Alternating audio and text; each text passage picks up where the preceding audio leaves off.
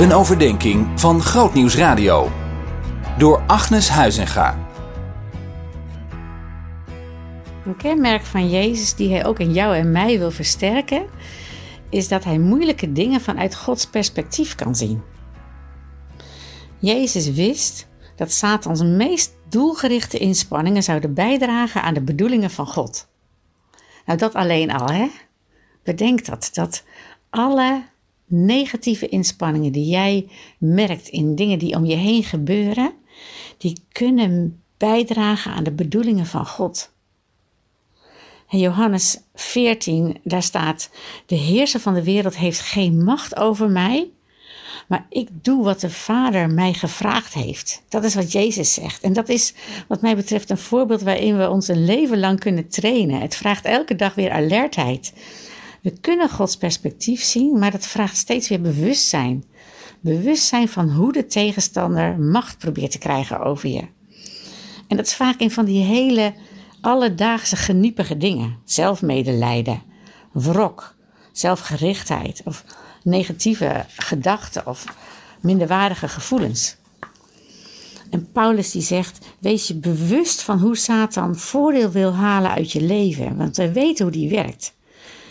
Dus bedenk eens: is er een ingang, een, ja, een, een opening, een wortel van bitterheid, van je verongelijkt voelen? Spreek er dan over met God. Geef Hem toestemming om die wortel weg te halen. Zodat je diep in jezelf mag weten dat kwaad geen macht over je heeft. Dat je kan ontdekken hoe God ook de gemene zetten van de tegenstander ten goede kan gebruiken. Nou, je kunt je, je afvragen van hoeveel kan je nou verwachten? Hoe, in hoeverre kunnen wij hier nou op, in op Jezus lijken? Het simpele antwoord is in dezelfde mate waarin wij ons aan Hem geven.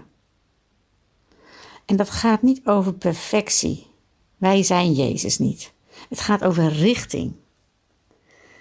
En toen Paulus aan God vroeg om de doorn in zijn vlees weg te halen, antwoordde God: Mijn genade is je genoeg. Want mijn kracht wordt volmaakt in zwakheid. Dus Paulus krijgt geen bevrijding, maar kracht om de zwakheid te gebruiken.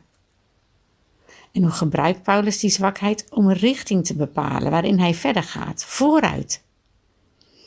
Hij liet zich niet bepalen door zijn zwakte. En hij was bijvoorbeeld echt niet een begaafde spreker, maar stopte dat zijn werk? No way. En dat geldt ook voor jou en mij.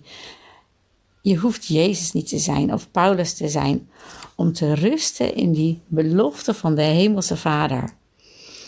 Hij zegt dat hij de, de, het gebroken hart zal omkeren in een deur van hoop. En zo danken we u, Heer, dat u ons de richting geeft om te mogen kiezen om het goede te zien, ook in moeilijke omstandigheden. En als we onszelf in de weg zitten, Heer, help ons om echt op u te vertrouwen.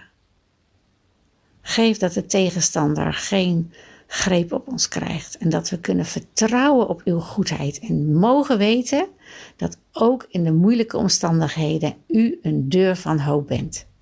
Amen. Zien in nog een podcast?